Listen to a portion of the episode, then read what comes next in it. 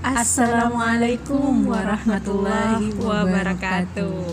Yes, kembali lagi di podcast Sobat Kesehatan Tempat diskusi dan berbagi informasi tentang kesehatan Yuk, nggak cuma kesehatan kita aja, tapi juga kesehatan masyarakat kita. Tentunya dong, masih barengannya Rofiko and my lovely sister Ridin, Gimana nih kabarnya Udidin? alhamdulillah baik, luar biasa. Allahu Akbar. Gimana kabarnya? Alhamdulillah baik juga. Dan kita berharap sobat semua dalam kondisi sehat walafiat juga ya. Terutama di masa pandemi saat ini nih Yang penuh dengan ketidakjelasan. Allah alam ya kapan akan berakhir. Tapi yang pasti adalah kita tetap harus menjaga keimanan kita dan imun kita everyday Oke, pastinya itu ya. eh sekarang kita mau nge-podcast tentang apa nih, Oh? Yang ini nih artis pendatang baru terfavorit Oh, saat wow. ini Yes Oh bukan terfavorit tapi terpopuler Populer ya. Terpopuler. Dari kapan itu ya? Dari Maret ya, masih populer. Maret, Maret baru masuk ke daerah sini ya kan. Januari dia baru muncul. Oke. Ter- uh, Masih bertahan Debutnya. sampai sekarang ya, Iya, debutnya. ya. Bulan September, masya Allah. Yes. Nah ini kan covid udah lama banget kan dari bulan Maret ya. Tapi Iya. kenapa kita baru bahas sekarang mak? Setelah Ada- sekian abad pandemi terjadi nih ya. Ada apa Telat ini? banget ini ya. Sebenarnya tuh eh, ada beberapa alasan yang menjadikan kenapa aneh ngajakin Udidin buat ngebahas tentang pandemi ini. Yang pertama itu karena memang dulu nggak ada niatan sama sekali ya. Salah satu alasannya adalah karena pada waktu awal-awal tuh di bulan Maret bahkan dari Januari itu tuh informasi terkait sama terkait dengan corona ini udah banyak banget di media. Jadi kenyang rasa gitu ya. eh, jadi rasa kayaknya anak-anak ini kayaknya udah pasti udah kenyang banget nih sama informasi tentang corona gitu. Jadi jangan sampai aneh malah menambahi juga. Bahkan s- saat itu bahkan udah nyampe ini ya apa kita eh horor sendiri gitu saking banyaknya Paranoid gitu informasi. Banyak banget juga informasi hoax tentang eh, si corona ini gitu. Sampai akhirnya ya qadarullah saat ini tuh aneh dikasih kesempatan untuk jadi apa ya kayak semacam relawan covid Wah, untuk melakukan penyelidikan epidemiologi terkait sama kasus covid di sebuah kabupaten. Ah, Nah baru deh di situ gitu ya sadar kalau misalkan yang terjadi di masyarakat itu eh, tidak sebagaimana yang ada di pikiran aneh gitu. Oh. Kemudian didukung lagi nih sama alasan yang kedua yang ternyata Udidin teman aneh ini itu ternyata pernah menjadi suspek covid ya enggak sih Iya betul banget. pengakuan nih jadi eh, kenapa enggak gitu kalau misalnya kita ngobrol dan ngebahas eh, si artis pendatang baru ini gitu dari perspektifnya Udidin sebagai suspek pada saat itu dan dari perspektif aneh sebagai orang yang belum tapi semoga enggak deh ya Amin. semoga enggak juga enggak kena covid gitu Sebagai pencari kasus ya. Ah, pencari kasus. ya emang gimana sih dulu tuh Udidin ceritanya gimana kok bisa jadi suspek covid waktu itu ya boleh cerita nggak kemarin pengalamannya kenapa bisa jadi suspek waktu itu Hmm, boleh banget ya. Oke, ah, yang pertama itu dari akhir Juni, bulan Juni kemarin. Juni Juli Agustus September berarti sekitar tiga bulanan Ah, lah ya Akhir bulan Juni, pekan ketiga dan keempat. masya Allah memang inget banget ya udah tak rangka ini ya, ingatan saya udah tak Iya, panggil iya. dari recall tadi. ah, Recall ingatan gitu. Memang ada gejala flu. Mm-mm. Hmm. Kemarin itu dari ini pilek oh dari Pilek ya, pilek ah. dulu. Eh, terus? Pilek. Terus kan tetap masuk kerja tuh. Ya. Ya udah dari ketika di kerja tuh ke kamar mandi gitu. Ah, ya udah sama sekali nggak nggak ke arah sana nih nggak ke arah uh, corona gitu ya. Udah. Husnudzon sekali ya waktu itu. Soalnya memang beberapa sebelum itu memang interaksi sama adik sepupu yang Oh. adik kecil adik balita Iya. ya memang lagi meler. Oh, oh, iya. kemungkinan besar tertular Ketular, nih. eh, eh. Uh, pekan ketiga itu pekan keempat kok masih ya gitu ya? Masih sama batuk-batuknya. Tapi Aduh, batuk kering batuk kering oh, ha. Uduh, malah makin ini ya. nggak batuk berdah gitu. Terus terus. nah berhubung di tempat kerja itu ya kerja di, di bidang kesehatan gitu ya agak risih memang. Ini kenapa aku kok jadi serungut-serungut gitu ya batuk-batuk? Kalau batuk gak tahan tuh ya sampai ke kamar mandi gitu. Masya Allah. ya Allah gitu udah tapi Mas Saing masuk. Soalnya kan emang ada kegiatan gitu ya. Iya, benar. dan belum ada nerima kayak instruksi khusus yang nggak enak badan. Ya, ya Boleh cuma flu izin gitu lah ya. gitu, ha. cuma flu dirasa "Ya udah ya nggak apa-apa nggak ganggu aktivitas dulu gitu. Yang beberapa waktu emang ada himbauan gitu dari dokter gitu. Kalau nggak enak badan nggak apa-apa nggak masuk gitu. Oh, iya. tapi kalau dari pribadi ah cuma flu gini aja gitu. Cuma ya. Mm-mm, nggak sampai sakit kepala yang harus tidur gitu istirahat gitu ini Emang dasar eh, apa? Definisi sakit kita tuh beda. iya subjektif sekali Subjektif gitu ya. banget. Terus terus gimana Oke, nih? nah tetap awal Juli tetap masuk ya seperti biasanya gitu tetap nggak ya udah tetap ada pilek ada batuk tetap nah tanggal 6 Juni eh, kepala kantor itu pengumuman gitu ya Iya. Mengadakan tes rapid ke seluruh karyawan. Waduh. subhanallah langsung ya membatin gitu ya. Iya iya iya. Terus pasti hasilnya bakal reaktif. Iya. soalnya emang lagi flu gitu ya. benar. oke. Qadarullah uh, diambillah darah gitu ya sampel darah diperiksa gitu. Hasilnya lama ya udah kembali ke ruangan gitu ya. Saya sambil petak komputer gitu. Eh dapat ini. Hmm. Dapat surat cinta gitu ya dari petugas Surat cinta. labnya gitu ya. Din gitu ya. "Ah, istirahat dulu ya di rumah ya gitu ya. Isolasi mandiri ya. nanti tunggu jadwal untuk tes swab. Iya mas. Terima kasih. Udah langsung beres-beres. Kan beberapa kantor teman kantor itu lagi rapat ya gitu ya. Aku cuma ngeliatin mau pamit enggak enggak. Harusnya enggak langsung pamit udah langsung pulang aja gitu ya. Pulang ke rumah ya Allah Bismillahirrahmanirrahim ya Allah aku reaktif gitu. Apalagi di masa-masa itu ya eh, informasi reaktif tuh uh, hati-hati banget gitu ya. Jangan sampai kamu reaktif lah gitu.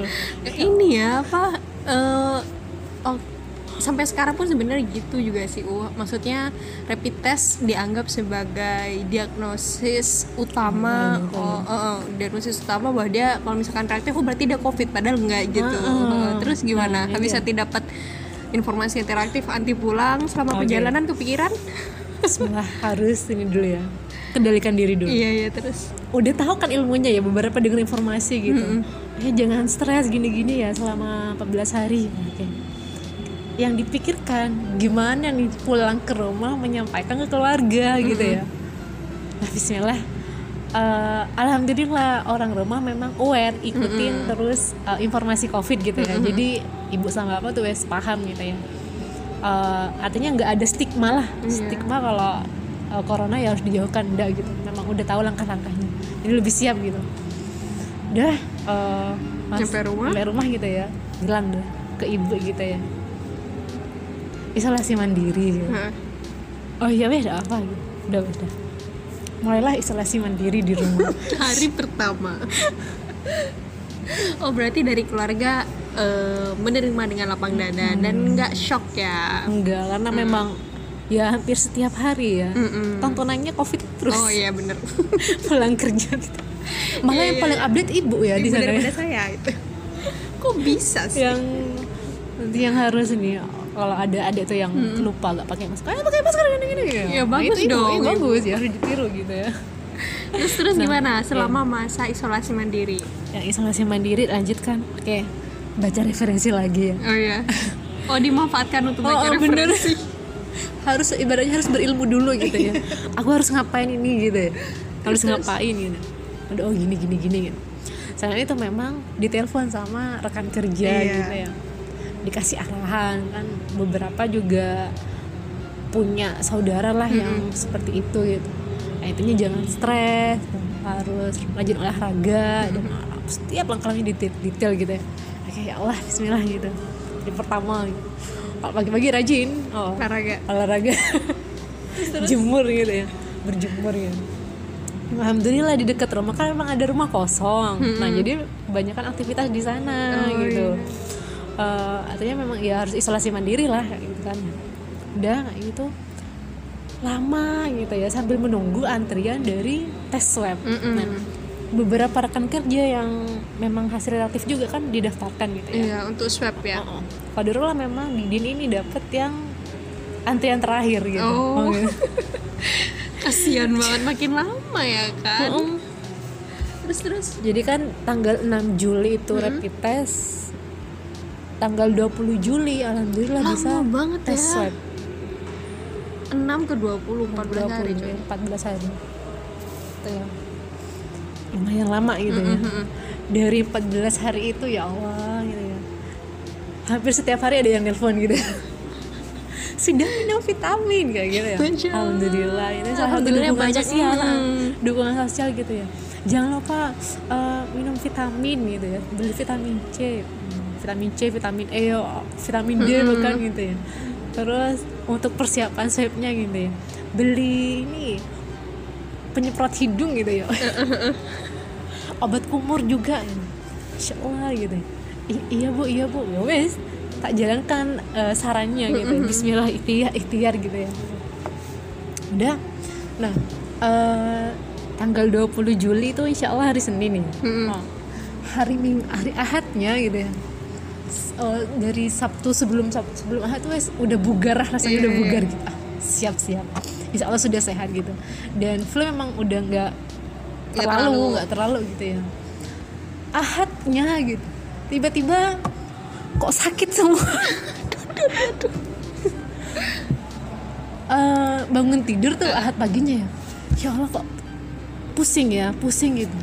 Dari hidung ini agak kayak ada gejala flu gitu flu awal gitu loh. Enggak ini sepertinya psikosomatis.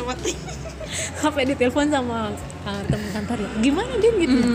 Nggak tahu bu rasanya kok sakit sakit kepala ya bu ya.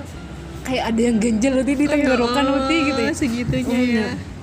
ya Allah bu nggak bisa itu psikosomatis ya Allah tak doktrinkan diri emang. Ya ini psikosomatis ya Allah. Bismillah gitu ya.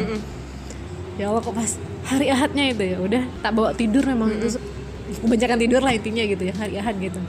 Senin pagi jam 8 Waktu tes? Ah ah, tes swab. Lebih siap mental lebih siap gitu ya. Ah, Bismillah gitu ya. Udah banyak banyakin sholawat sudah. Ritual kesehatan juga sudah Bismillah gitu ya. Pamit ke orang tua itu Bismillah. Nah di sana.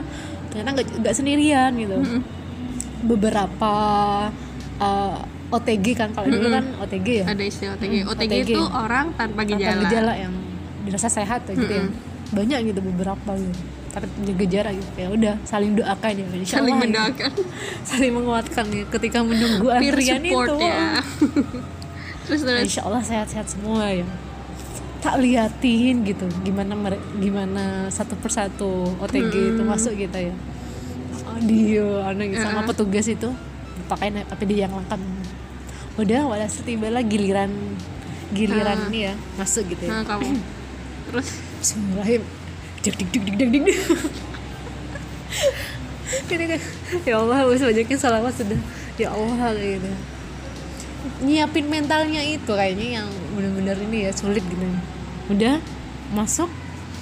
Pertama kan di ini ya diambil nasofaring lewat nasofaring yang di hidung. kita ini.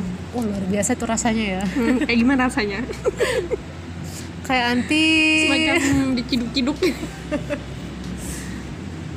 nggak enak apa enggak enggak. Nggak enak ya oke, sampai oke. keluar air mata Ya gitu ya. Ya udah kayak masuk sampai ke ujung hidung gitu ya terus ada putaran yang swab hmm insya Allah ya. Setelah itu yang kedua ke mulut nah yang di ujung tenggorokan ini nggak terlalu kerasa gitu. Mm. udah halus lah ibaratnya kayak gitu. Udah mbak udah. Bismillah udah mis keluar. Sudah pasrah sudah. Pasrah ke Allah gitu ya. Udah itu pulang dah Bismillah. Nunggu dah. Ada di grup itu ya Di grup kantor gitu.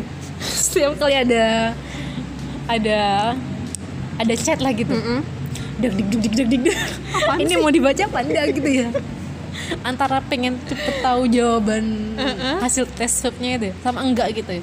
Oh itu eh, chat untuk ngasih tahu informasi hasil Ah, ah, swabnya Jadi beberapa berapa hari rentangnya dari pelaksanaan swab? Ana dapatnya tanggal 23 Mm-mm, 23 Ah, tiga. Hari gitu ya. Tiga hari. Cepet ya. Hmm, alhamdulillah gitu. Karena beberapa rekan kerja yang lain yang udah dapat Mm-mm. uh, di tes swab itu hasilnya di share di sini Oh gitu cuma kayak alhamdulillah negatif ya kamu Iya, selamat selamat gitu gitu terus kamu gimana Terus setiap kali buka grup itu alhamdulillah negatif alhamdulillah negatif selama isolasi mandiri Ya. gitu ya nah setelah 20 Juli itu dilihat gitu ya chat gitu kepala gitu kepala kantor gitu Heeh. oh enggak bukan ya Allah kayak tertidur sendiri gitu ya Walhasil alhamdulillah gitu ya itu kayaknya malam Jumat atau malam Kamis gitu ya. Malam Jumat kayaknya. Udah baca al waktu itu. Malam Jumat gitu. Tuh yang muncul lah itu gitu. Ah, surat cinta gitu dari laboratorium gitu ya. Alhamdulillah Didi negatif silahkan besok masuk dulu Alhamdulillah. Saya dan duduk gue setiap kali buka grup gitu. Alhamdulillah. Iya, terus eh sehabis tahu kalau kamu tuh negatif gimana perasaannya? Long Ya banget Allah, gitu. nafas tuh nggak tersendat-sendat gitu ya. Alhamdulillah ya Allah. Eh Udin gini gini gini. Kan ini eh, nanti kan tenaga kesehatan begitu. Kemudian juga udah pastinya udah banyak banget informasi terkait dengan corona. Sebenarnya corona tuh apaan sih gitu? Virus seperti apa dan gejalanya seperti apa dampaknya seperti apa? Otomatis sudah tahu itu tapi kalau dari ceritanya Anti tadi Anti ngerasa kayak sering deg deg takut sama hasilnya apa segala macam gitu ya kan. Sebenarnya ini ya berarti apa kadang pengetahuan kita tentang sesuatu tuh kayak dikalahin sama rasa takut. Kenyataan Iya, kalau iya. itu sakit gitu. yang aku takutin yang tak khawatirin ya ketika na naudzubillah ya positif gitu. Iya mungkin aku mudah menerima ya karena aku paham otomatis yang kontak dekat sama aku keluarga gitu. Aku mikirin Aduh. ya Allah adekku harus mis- naudzubillah ya harus tes swab misalnya kayak Iya. gitu ya. Harus karantina mandiri nih. Kayak ruwet banget gitu ya mikirin berarti yang diberatkan itu. adalah efek ke orang di sekitar kita bukan cuma di kitanya aja. Kalau dari pribadi ya insya Allah gitu. Mhm. wes paham apalagi udah mematuhi pokoknya wes patuh rajin lah gitu. Ikut anjuran dari dokter gitu. Tapi kalau gimana nanti kalau ke ibu orang tua gitu? Apalagi ada yang ada yang ada masih kecil Kecil gitu ya yang punya aku yang suka kontak sama aku itu. Nah itu. Jadi kan ya Allah semoga negatif. Dan alhamdulillah hasilnya negatif. Oh ya uh selama isolasi mandiri ini di rumah gitu eh anti ke mana-mana selalu pakai masker atau sometime eh, interaksi sama mereka tapi buka masker kalau isolasi mandiri di rumah kan nggak ke mana-mana ya. Paling cuma kamar mandi. Hmm, ke eh, makan wilayah itu gitu ya, ya. kan. Ya aktivitas hidup lah. Pakai masker Oh, kalau di dalam masker. rumah gitu ya. Kalau pas waktu jemur Mm-mm. kayak itu jemur kan memastikan nggak ada orang memang gitu ya. Jaga jarak ya udah biar bisa maksimalkan tarik nafasnya Iya. dalam-dalam lepas masker gitu. Lepas sih. Karena ini sih apa kalau dari data terbaru mungkin Hmm. teman-teman semua udah tahu ya kalau ada kelas yang namanya klaster penularan di keluarga gitu. Jadi mungkin ada satu yang eh, tanpa gejala kemudian dia dianjurkan untuk isolasi mandiri. Ya udah dia isolasi mandiri di rumah.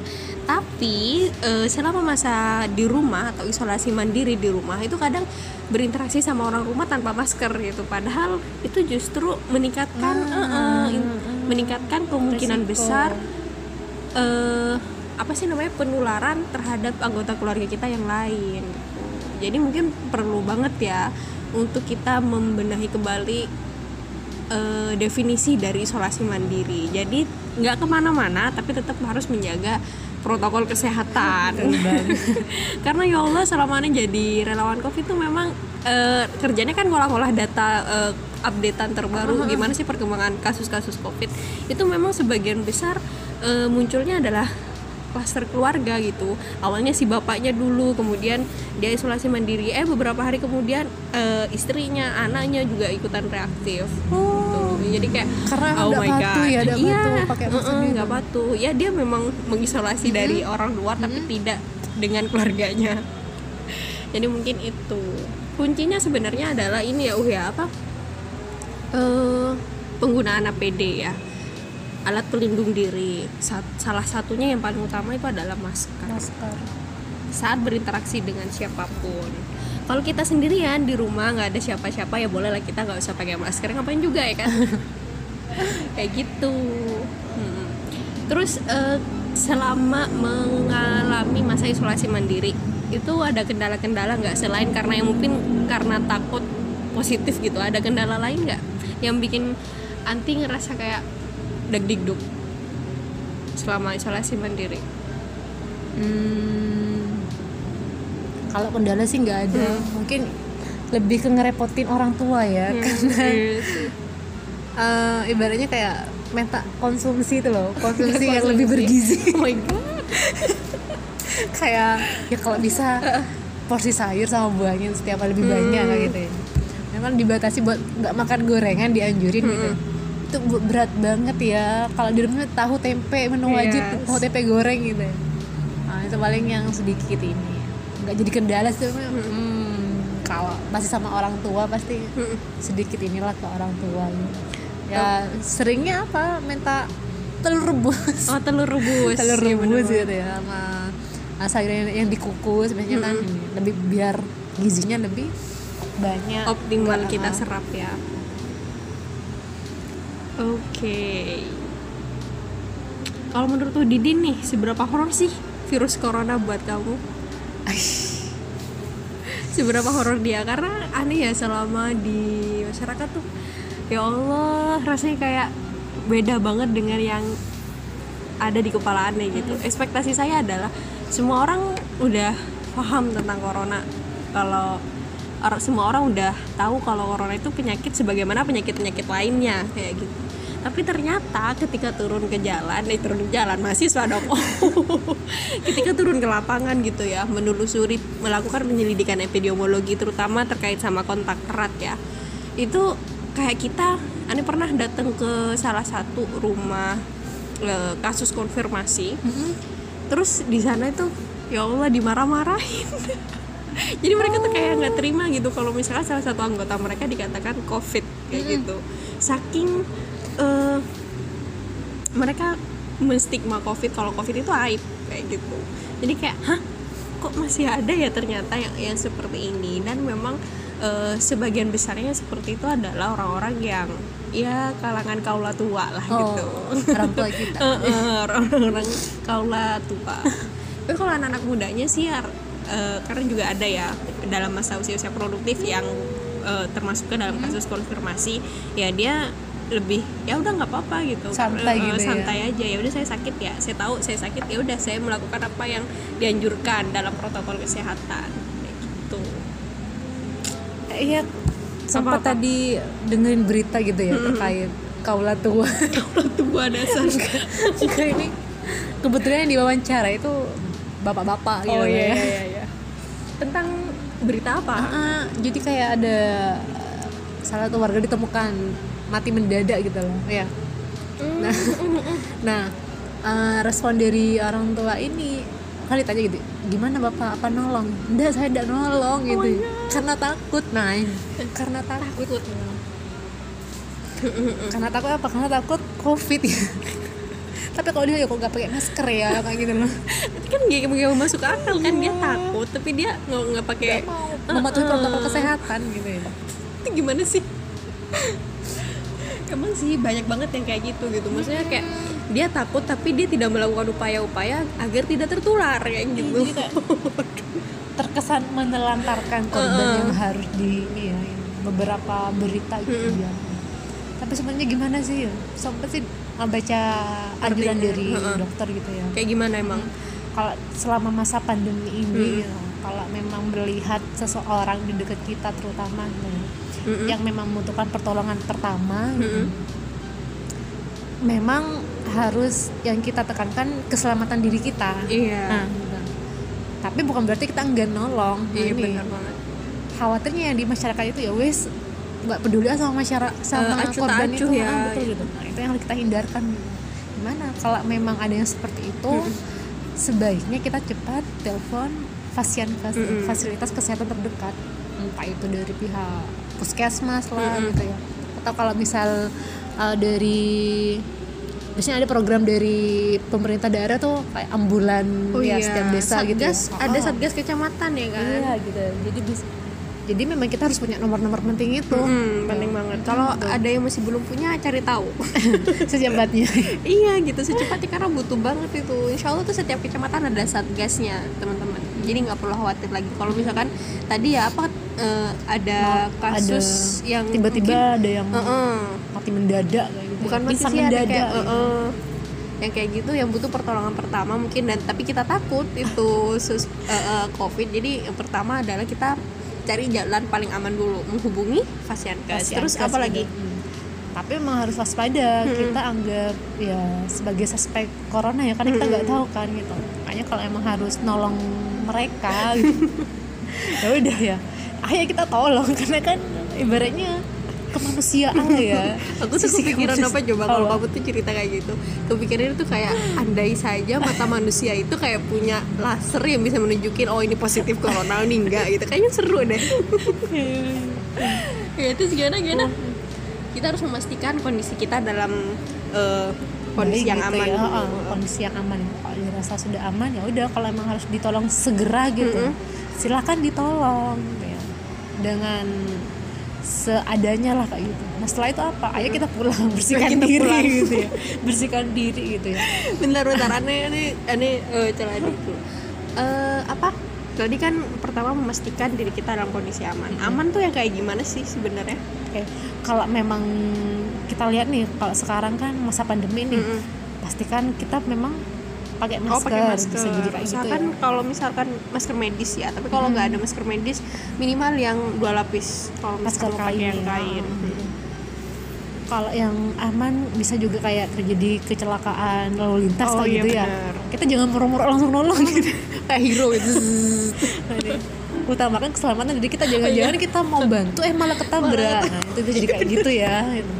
pastikan dulu jalanannya aman. Ah, ah, pokoknya keselamatan diri lah itu yang Yes. paling penting men baru kita nolongin orang, orang itu lain gitu. setelah ngebantu dengan apa yang bisa kita bantu Mm-hmm. gitu ya, silahkan gitu kita segera uh, kembali ke rumah untuk membersihkan diri Iya. tinggalkan pakaian semuanya harus dicuci gitu ya menggunakan protokol kesehatan gitu dan disarankan memang kita karantina mandiri Selama- selama, 14 hari 14 hari apakah 14 hari itu nanti akan timbul gejala-gejala corona tadi ya kayak misalnya gejala flu ya demam pilek batuk ya. kalau ada gejala silahkan lanjutkan ke fasilitas pelayanan desa, kesehatan sampaikan Oh iya nih, ada ini kan tadi 14 hari ya. Mungkin teman-teman udah update, mungkin lebih update daripada kita. Itu ada yang namanya eh, pedoman penanganan COVID-19 ini di revisi kelima. Oh my God, itu eh, gimana? eh, jadi di revisi kelima ini mungkin ada beberapa perubahan istilah gitu. Kalau dulu kan kita kenal ada yang OTG. OTG itu apa? orang tanpa gejala Kirain itu loh buatan flash disk. kabel OTG. Kabel. Jadi OTG itu ad- dulu kita kenalnya ada OTG, kemudian ada PDP juga ya kan, pasien dalam pemantauan. Terus juga ada apa banyak banget pokoknya istilah-istilah dulu. Nah, di revisi 5 ini itu ada perubahan-perubahan istilah. Mungkin teman-teman udah pernah kenal sama yang namanya suspek, suspek COVID kayak gitu. Nah, kalau suspek COVID ini adalah orang-orang yang menunjukkan adanya gejala gangguan pernafasan. Hmm, terutama pernafasan seperti- yang ringan kayak gitu. Ya itu kayak kayak Didin kemarin sempat flu kayak gitu. Kemudian juga ada batuk-batuk. Nah itu udah mulai ini kayaknya suspek nih. Makanya mesti hati-hati gitu. Oh iya kemarin juga yang pas sebelum isolasi mandiri itu emang ngerasa gini indera penciuman Nah, tiba-tiba menurun. iya indera penciuman nggak bisa denger bukan denger apa sih? Mencium membau ya, membau eh. gitu ya. Aku pikir ah mungkin ini karena efek masker gitu Oh ya jadi nggak terlalu peka gitu dibandingkan dengan uh, rekan kerjanya aku gitu. Tapi sempat nanya gini "Eh, dek bau ini ya? mencium bau ini ya? Nggak mbak. Oh, udah biasa aja gitu. Mohon maaf mbak. Saya nyium cuma bau harum-harum aja. Terus ada jambu gitu ya Yes. jambu ini jambunya gitu ya ya nggak se-strong yang biasanya oh mungkin karena efek pakai masker gitu Iya. iya itu termasuk salah satu gangguan yang Nah, mungkin bisa bisa. memasukkan kita menjadi Salah seorang gejala. suspek COVID-19 ada juga yang namanya probable nah probable ini kalau dulu kita dengernya itu eh, PDP ya. PDP itu pasien dalam pemantauan tapi dia belum jelas apakah COVID apa enggak. Tapi ada gejala pernafasan yang bahkan gejala ISPA berat kayak gitu. Sesek nyampe kayak gitu-gitu tuh udah itu udah termasuk ke dalam probable tapi masih belum uh, keluar hasil uji laboratorium PCR-nya apakah dia positif atau enggak? Iya. Itu udah masuk ke dalam probable ada juga orang yang sudah positif covid gitu lah ya. Itu dikenalnya sama kasus konfirmasi nah kasus konfirmasi ini yang khas adalah dari covid ini ada yang bergejala ada yang enggak gitu. Banyak banget ya teman-teman eh, dari orang-orang yang ternyata hasil swabnya positif dan dia nggak nggak bergejala gitu sama sekali nggak ada gejala. Dia oh my god kayak aku sehat gitu. Tapi ternyata dia positif gitu. Jadi kayak hmm, itu kan yang perlu kita waspadain. Waspadain. karena bisa saja karena dia ngerasa sehat dia eh, oke-oke aja Iya. jalan keluar gitu ngobrol sama orang. Eh jangan-jangan aku eh enggak enggak enggak, Oh, semoga enggak alhamdulillah. ya gitu. Nah kasus konfirmasi selain ada yang simptomatis atau bergejala ada juga yang nggak bergejala ada juga yang bergejala. Nah biasanya yang bergejala ini biasanya udah dirawat ke rumah sakit sih kayak gitu. Terus juga ada kontak erat. Nah kontak erat ini yang kita juga perlu perhatikan jadi selama penyelidikan epidemiologi itu aneh nyariin orang-orang yang berinteraksi. Kayak, kayak mungkin kalau misalkan Didin waktu itu positif waktu itu ya. Aku langsung cari tahu siapa aja nih dalam 14 hari ini. Didin ngobrol sama siapa aja? Sama ini ini, ini. itu dicari tahu tuh. Telusur gitu Iya ya? ditelusurin. Seberapa sering gitu. Misalkan satu oh ya kemarin saya satu mobil sama ini. Oke selama di mobil pakai APD nggak? Iya pakai sempat kebuka meskipun cuma sedikit gitu Eh, iya nah itu udah perlu kita Oh. eh, cari tahu sih Kalau orang yang satu mobil. Kemungkinan ya tetap kita cari tahu. Hmm, tetap dipantau gitu kan? Tetap kita pantau. Itu terkait sama kontak erat. Nah selama kita kontak erat eh kontak erat sih. Misalkan ada yang positif gitu ya terus tanpa gejala itu biasanya memang dianjurkan untuk melakukan isolasi mandiri. Jadi nggak perlu dirawat ke rumah sakit.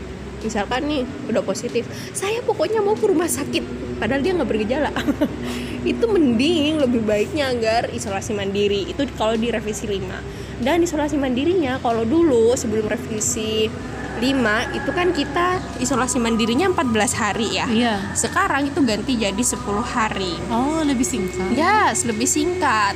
Kalau selama 10 hari itu tidak terjadi tidak muncul gejala-gejala gangguan pernafasan sebagaimana gejala-gejala Covid begitulah ya. Itu udah discharge, discharge. Jadi udah sembuh gitu eh, eh, dikatakan udah bebas untuk iso- tidak isolasi. Kenapa 10 hari? Kenapa ganti gitu? Kenapa nggak 14 hari? Karena ternyata ada beberapa penelitian yang sudah menunjukkan bahwa virulensi tang- ting- eh, viralot nah, tingkat jumlah virusnya untuk bisa menular kepada orang lain itu ternyata turun sesudah 10 hari itu jadi udah tingkat penularan udah kecil banget kayak gitu Insya Allah itu yang baru kita tahu ya itu perlu dites swab lagi kalau udah Nah, gitu. kalau udah 10 hari itu udah nggak perlu di swab lagi. cukup Oh, sekali cukup gitu sekali. ya. Kalau dulu sebelum revisi 5, masya Allah itu nyampe teman-teman tuh ada yang eh, ada kasus konfirmasi itu tuh tes swab nyampe tiga kali, lima kali, enam kali itu hasilnya positif terus. Sampai akhirnya eh, harus negatif ya. Iya sakitnya seberapa harus berapa kali dia ngerasain sakit karena swab kayak gitu ya yang udah pengalaman ya. semoga yang terakhir ya Iya sebagai terus semoga nggak lagi deh gitu. Jadi kalau selama 10 hari itu sudah tidak menunjukkan gejala udah bisa beraktivitas di luar. Cuman memang dalam beberapa instansi gitulah ya, itu memang ada yang menganjurkan untuk melakukan swab lagi sampai benar-benar dinyatakan negatif kayak gitu. Padahal sebenarnya nggak apa-apa sih udah. Tapi perlu untuk hati-hati juga, jangan sampai kita misalkan udah positif eh, hasil swabnya positif begitu dia termasuk ke dalam kasus konfirmasi 10 hari dia sudah isolasi dan tidak menunjukkan gejala terus dia feeling free untuk ke mana-mana gitu. Nggak ngerasa terbebas nggak akan terkena infeksi lagi. Nggak karena ada kemungkinan dia reinfeksi. Jadi mesti tetap harus mengikuti protokol kesehatan. Kayak gitu. Jadi cukup 10 hari aja. Oh. Dan tetap patuhi protokol kesehatan ya. Nah, ya itu yang penting banget. Terus ini deh apa? Yang paling pentingnya nggak kalah pentingnya juga adalah ya kita harus menjaga kondisi imun kita kayak gitu. Nah, yang sering dan mungkin bukan sering sih, yang seperti yang udah kita obrolin tadi ya. Ketika aneh turun ke lapang tuh masih banyak banget kaula-kaula senior, kaula-kaula senior yang masih terstigma sama eh, COVID, ini gitu. Kalau dari ilmu perilaku kan yang kita tahu, kadang orang eh, terstigma karena dia kekurangan informasi kan, salah satunya gitu. Maka mungkin kita sebagai anak-anak muda bisa menjadi eh, lidah penyambung informasi dari sosial media yang mungkin jarang banget diakses sama eh, kaula senior ini gitu. Jadi teman-teman biar nggak cuman biar informasi terkait COVID ini itu nggak cuman stuck di anak-anak muda aja, tapi juga tersalurkan ke mereka-mereka yang sebenarnya eh, senior dan memiliki resiko lebih besar lagi gitu ya untuk merasakan dampak negatifnya dari COVID ini kayak gitu. Terus selain menjadi lidah penyambung informasi sama anak-anak sama ke orang-orang senior gitu, ada beberapa hal juga yang bisa kita lakuin. Yang pertama pastinya kita penting banget untuk mengamankan diri kita ya. Pengamanannya pastinya melakukan protokol kesehatan yaitu penggunaan APD, jangan lupa masker guys penggunaan masker kemudian juga social distancing pastinya dan menjaga kondisi imun tubuh kita agar tetap bagus. Nah, gimana cara menjaga imun kita dalam kondisi bagus? Salah satunya adalah yang perlu kita perhatikan adalah asupan makanan. Ada kan beberapa eh, sumber-sumber eh, vitamin yang sebenarnya itu memiliki fungsi yang spesifik banget untuk meningkatkan sistem imun kita kan uh ya. Mungkin bisa share deh tentang itu. Ya kalau bicarain makanan ini favorit banget ya. Ya kan ada gizi. Ya kalau memang untuk meningkatkan fungsi sistem imun tubuh gitu ya memang yang perlu diperhatikan adalah asupan tetap gizi seimbang Iya. ya kan ya apa tuh gizi seimbang dalam piring kita harus ada karbohidrat yes. ya, ada lauk ada Mm, proteinnya protein. gitu ya ada sayur mayurnya ya sebagai vitamin dan sumber mineralnya gitu ya dan pastikan minumnya kita 8 gelas paling tidak ya per hari gitu. per hari bukan per minggu ya sehari satu gelas doang Nah, kalau terkait meningkatkan sistem imun gitu, Hmm. Ada kandungan paling banyak memang di sayuran dan buah gitu ya, kandungan vitamin dan mineralnya gitu. Yang memang berkaitan sangat erat ada untuk meningkatkan sistem imun tubuh kita gitu. Intinya ngejaga sel tubuh ini tetap sehat Iya. gitu ya. Kita sering kenal ada istilah vitamin C, Iya. vitamin E gitu ya. Iya serunya tuh Vitamin yang A. paling aneh kenal tuh kalau misalnya mau jaga imun tuh ya vitamin E, eh vitamin C Vitamin gitu. C itu gitu aja ya. gitu. Padahal banyak banget ya vitaminnya lain. Iya. kayak vitamin A gitu ya kalau vitamin A itu ya sangat erat dengan ke fungsi imunitasnya juga gitu ya ada yang istilahnya fungsi imunitas non spesifik nah gitu karena bagian tubuh kita ini kayak kulit ini kan bagian pertahanan juga Iya, gitu ya yang pertama. Ya. kalau di hidung ada rambut-rambut halus itu Oh nah God. itu kan juga sama sel-sel epitel juga ya. pertahanan fisik gitu. Nah, maka itu juga vitamin A juga berperan di sana untuk meningkatkan eh, fungsi imunitas non spesifik kita. gitu. Jadi nggak cuma vitamin C yang memang dikenal sebagai anti antioksidan gitu ya. Eh, barengannya vitamin C itu ada vitamin E yang Oh dikenal God. dengan antioksidan juga gitu ya. Yes, Vitamin E. Antioksidan tuh gampangnya gimana sih? Anti radikal bebas. Ah, ah, gitu. Jadi Anti kalau kita anti racun. Apaan sih? penenang gitu Kayak ya. penenang. penenang gitu ya. karena banyak hal yang bisa membuat tubuh kita ini menghasilkan radikal bebas ya. radikal bebas itu kayak senyawa yang reaktif banget gitu ya yang nggak bisa diem gitu ya Yes. yang maunya ngerusak sel tubuh kita dan mengambil elektronnya agar bisa diem, namanya bisa diem gitu ya. Dan vitamin C, vitamin E ini secara aktif mereka langsung ngasih inilah elektronku gitu ya. Biar ini ya kayak semacam berkorban gitu ya dia. Udah kamu kalem aja ya, kamu ini tak kasih ini gitu. Kamu gak usah gangguin elektronnya sel-sel yang lain gitu. Masya Allah. Baik Makanya banget ya vitamin C. Fungsinya vitamin C dan vitamin, Vitamin E. gitu ya, sebagai Sumber antioksidan. makanan dari vitamin C dan vitamin E ini apa, U? ya paling banyak emang di sayuran dan hmm, dan buah-buahan gitu ya. Kalau kita lihat dari warnanya gitu ya. Yes. Nah, ini paling mudah diinget nih. Uh, ya. Karena Yang pertama ada dari warna hijau ya. Oh my god. Ya, coba Nggak semua sayur sayuran banyak warna hijau warna gitu ya. hijau. Banyak banget ya. Sing daun singkong, sawi, Kangkung, bayam, waduh, hmm, udah banyak, banyak banget gitu ya. Terus warna apa lagi Nah. nih? Kalau yang warna hijau itu sumber karotin, ya Oh, karotin, itu ya. karotin. Yang memang ba- banyak untuk antioksidan. Yes. Oke. Nah, ada lagi sayuran yang kedua yang warnanya ungu. Terong. Apa coba? Oke. Kalau ungu ada nggak? Kalau ungu Tapi nggak pernah eh, makan nggak pernah karena dia makan mahal. sih. Tapi ada ya. Kayak paling ungu mudah gitu yang ya. paling available buat kita jangkau. terong ungu di pasar banyak. Banyak banget. ya sama mengandung banyak antioksidannya dan vitamin dan yang tinggi gitu. Juga bonusnya eh, yang ungu ini eh, melindungi kerusakan otak. Masya Allah. Aduh, dan meningkatkan produksi sel darah merah dan juga sel darah putih tentunya. Iya, sel darah putih kan buat pertahanan imunitas tubuh kita ya kan. Yang ketiga, ungu. Terus sayuran yang berwarna kuning dan oranye. uh jeruk. Apa itu? Sayuran. Oh, sayuran wortel. Oke, wortel labu kuning Labu gitu kuning ya. ya benar. Jagung ya. Eh jagung. Eh kok lupa banget sih jagung. Apalagi jagung manis gitu ya. itu kan kita sering beli itu ya. terus terus apa lagi? Iya. Kalau yang sayuran berwarna merah, Hmm, merah apa nih? yang merah pernah enggak, Mam? Bayam merah.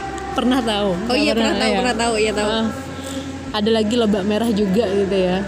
Sayur apa sih bayam merah tuh kan tetap hijau ya kan Ah, atasnya tapi- bawahnya doang yang warna merah. Ah, ada bercak-bercak merahnya. iya gitu ya. bercak merah. Eksotis sekali dia. Sama, dia mengandung antioksidan yang berfungsi untuk melindungi pembuluh darah, kesehatan jantung, nah itu ya. Terus Nah. apa lagi nih? Sayur yang berwarna putih, Putih. tauge, Oke, iya bener. bunga kol, eh, sawi putih ya, eh. favoritnya kita tuh. Biasanya dimam sama apa ya? Udah, Aduh. udah, udah. Nah, Sayuran meskipun berwarna putih. nih ya, tapi dia juga memiliki kandungan vitamin E, Hmm. ada kalsium juga dan zat alisin yang dapat mengontrol kadar kolesterol. Jadi nggak cuma untuk meningkatkan sistem imun gitu ya. Zat-zat aktif vitamin-vitamin yang ada di sayuran ini juga ya ini untuk intinya biar kita tetap sehat. Iya, benar banget. Ya, Jadi mereka fungsinya nggak cuma satu, banyak banget. Salah satunya tadi menurunkan kolesterol ya.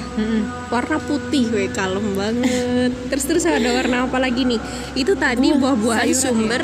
Oh itu tadi sayuran, sayuran sumber C dan E. Kemudian ada lagi kalau buah-buahan kalau buah-buahan gitu ya, kalau kita lihat dari warna merah Mm, merah. Nah, itu biasanya banyak vitamin C dan zat flavonoidnya. Oh yes.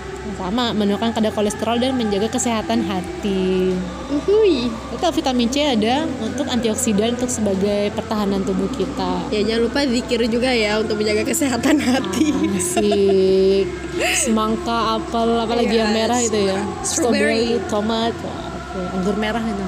Anggur merah. Terus apa lagi? Warna kuning dan oranye. Kuning sama oranye. Jeruk tadi ya tadi. ah-ah.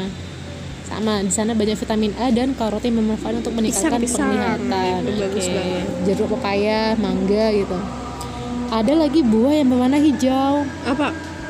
ayo Melon. apel malang Oh, apel malang. Ah, mel anggur hijau Itu melon. emang namanya apel Malang ya? Hmm. Oh. apel fuji apel fuji warna merah ya terus Nah, terus. ini untuk meningkatkan imunitas tubuh ya juga berfungsi menghambat pertumbuhan sel kanker itu. Oke. Nah, ada lagi buah yang berwarna ungu, Apa tuh? Anggur. Ya, anggur. Ada lagi nggak selain anggur? ubi ungu. Oh iya bener. Blueberry pernah nggak? Nggak pernah. Aku pernah loh Oh, iya. blueberry. Terus terus. Nah, semakin gelap warnanya ini dia bilang semakin banyak vitaminnya juga. Masya Allah. Jadi carinya tuh yang lebih gelap itu. Kalau udah busuk gimana? Ya Jangan ada ya. Biasanya kan makin gelap kalau udah busuk. ya. Intinya apa yang penting kita beragam makan konsumsi sayur dan buahnya agar semakin banyak eh, kandungan vitamin dan mineral yang bisa kita asup ya, yang Iya, bisa benar. kita terima dari eh, sayur buah itu. Nggak cuma makan pepaya aja ya. Ya kalau ada pisang silahkan dimakan pisang gitu ya. Tapi beragam lebih enak juga sih buat di lidah. Mix gitulah ya. Betul banget Dan juga biar kita nggak susah, nggak riuh banget masih mikir aku aku butuh vitamin K. Dan vitamin C itu paling banyak warna apa ya? Riuh ya kan jadinya. Dia daripada Banyak riuh yang mikir gitu ya. nggak makan makan. Ada yang ada makan. gitu. Lebih Iya. beragam lebih bagus. Yang beragam. ya itu dari vitamin. Berarti yang eh, membantu imunitas kita bagus itu tadi ada vitamin A kemudian ada vitamin C dan vitamin E. Ada lagi nggak? Kalau mineralnya ya mineral kayak eh, zat besi gitu Oh, ya. zat besi. Eh, zinc gitu ya. Ya artinya Zinc itu merek shampoo bukan? Oh enggak enggak bukan tit. Jangan jangan mam shampoo nggak boleh itu berat zat zinc sama intinya setiap eh, kandungan zat gizi gitu ya pasti bermanfaat untuk tubuh, Tubuh kita, kita. gitu ya. jadi jangan berpatok sama ya udah wes pokoknya tercukupi vitamin C-nya aja gitu yang kayak anti bilang tuh ya kalau sakit ya udah vitamin C gitu. Iya, apalagi seringnya tuh ya kalau ada dulu tuh suka ngambil gampangnya. Beli apa coba? Beli itu loh apa sih kaplet yang dalam bentuk kaplet vitamin C dalam bentuk kaplet. Itu tuh, tuh ngerasa kayak udah cukup gitu. Padahal sebenarnya kalau misalkan kita dapatnya dari buah dan sayur tuh justru lebih bagus ya kan? Lebih mudah diserap Mm-mm, ya, lebih mudah alami diserap. intinya kayak gitu. Ya itu jadi jangan lupa gitu, tetap konsumsi makanan yang bergizi dan seimbang. Iya benar Eh tapi selain dalam asupan makanan yang bergizi tadi, jangan lupa olahraga yang rutin Oh iya, ya, penting banget. aktivitas fisik gitu. Paling enggak 30 menit eh, bisa 3 sampai 5 kali seminggu gitu. bersih bersih rumah itu Nah, itu udah masuk ke dalam aktivitas fisik. Jadi nggak harus aerobik dan segala macam nggak. Yang penting kalian berkeringat it's- itu udah cukup tuh. Jalan bantuin nah, bergerak Karena ya efeknya apa? Ke darah lebih lancar gitu kan ya. Yes. Sel imun juga lebih sehat kan, lebih prima gitu. Siap menghadapi. bener Eh banget jangan lupa juga tadi yang sinar matahari ya Allah. Iya, sinar Itu matahari. karunia Allah yang luar biasa ya. gitu. Mm, tapi juga perlu memperhatikan seberapa lama kita terpapar sinar matahari karena terlalu lama pun juga itu nggak baik buat kesehatan kulit kita bisa-bisa malah jadi kanker Kanker kulit ya. kanker kulit nanti bilang mindali anjurannya sekitar jam berapa sih? sebenarnya kalau ada masih pernah baca ya dulu kan sempet booming banget tuh jam 10 ke atas gitu ya kan sebenarnya kalau yang dari aneh baca gitu dari beberapa jurnal-jurnal tuh memang eh kalau yang nama sinar matahari tuh bagus jadi kalau misalnya mau berjemur di pagi hari itu durasi waktunya lebih lama kalau dari daripada kita berjemur di siang hari. Jadi kalau misalkan punya waktu senggang di pagi hari itu jauh lebih bagus karena durasi kita berjemurnya itu jauh lebih lama. Kalau eh, sesuai sama kebutuhan kita. Tapi kalau misalnya kita punya waktu luangnya di siang hari jam 10 ke atas, boleh nggak apa-apa, tapi waktunya nggak boleh lama-lama. Tidak selama seperti kita eh, jemur di pagi hari. Karena itu tadi gitu, apa eh, panjang gelombangnya itu udah berbeda. Sinar UV-nya. Mm-mm, sinar UV-nya yang masuk ke dalam bumi. Indeks UV-nya ya gitu. Kalau kemarin sih sering jam 9 ke atas. Itu udah panas. panas Iya. banget gitu. Tapi pasti ini yang terpapar tuh yang mana gitu. Ah, ah, benar. Ya pastinya bukan muka ya yang terpapar. Kenapa skincare jadi gagal gitu? Jadi memastikan tempat itu aman yang gak ada orang gitu yang tertutup ya sudah Yes. tertutup gitu. Mm-mm, bener banget. Kalau da- pernah dapat saran sih kalau bisa gitu ya di tempat yang semi tertutup gitu artinya cuma dari atas yang terbuka gitu ya. Iya. Itu Oh, berarti punggung kita, kita. ini apa? Kita bongkar atap kita. Silakan gitu. Kalau itu memang perlu ya. kalau bisa punggung kita yang dapat Iya. yang kena paparan itu gitu. Ya, kalau enggak ya alat gerak kita Mm-mm, tangan sama kaki gitu. Tapi emang pernah loh punggung itu yang kena ini. Nah, itu asik banget ya. Tapi emang ya itu ya karena aurat gitu ya. Proses stunning gitu iya. ya. Ha, Bener banget. Hati-hati Hati-hati buat terutama buat eh, cewek ya, mesti tetap jaga aurat juga. Dan eh, membuat sinar matahari masuk ke dalam rumah kita tuh juga penting. Menjaga sirkulasi udara juga penting banget. Kenapa? Karena ternyata nggak cuma buat eh, bagus untuk mencegah penularan covid tapi juga untuk pencegahan penularan TB yang ada di rumah. Karena ini namanya penyakit itu sukanya emang lembab-lembab memang ya. Jadi mengusahakan agar sirkulasi di udara yang ada di rumah kita tuh dalam kondisi lancar. Kalau ada jendela dibuka aja. Sebisa mungkin juga sampai ada matahari yang masuk ke dalam ruangan kita. Mm-mm, bener banget. Kayaknya kita udah lama banget ngomongnya nih ya. Mungkin kita akhiri aja. Itu aja yang bisa kita sharingkan terkait dengan pengalaman kita Pengalaman Udidin sebagai suspek covid Dan aneh yang ngebolang tiap hari cari kasus. Ya, semoga tetap semoga eh, sama-sama semoga kita semua dalam kondisi sehat. Teman-teman sobat sehat yang di luar sana juga dalam kondisi sehat. Jangan lupa kita butuh bantuan kalian anak-anak muda untuk menjadi penyalur informasi kepada mereka yang mungkin belum eh, banyak mendapatkan informasi terkait dengan COVID-19 ini. Salah satunya bisa share informasi ini ke teman kalian juga. Kalau mungkin mamanya suka update juga nggak apa-apa share ke mama kalian. It's okay gitu ya Eh, kita mohon maaf de kalau ada salah kata eh, ada las anu nggak quote atau apa gitu Nggak nasihat nggak ada. Udah. Lama banget ya. oke itu aja dari kita. See you on the next episode. Jangan lupa untuk selalu hidup sehat. Karena sehat bareng itu lebih asik daripada sehat, Sehat sendirian. Assalamualaikum warahmatullahi wabarakatuh.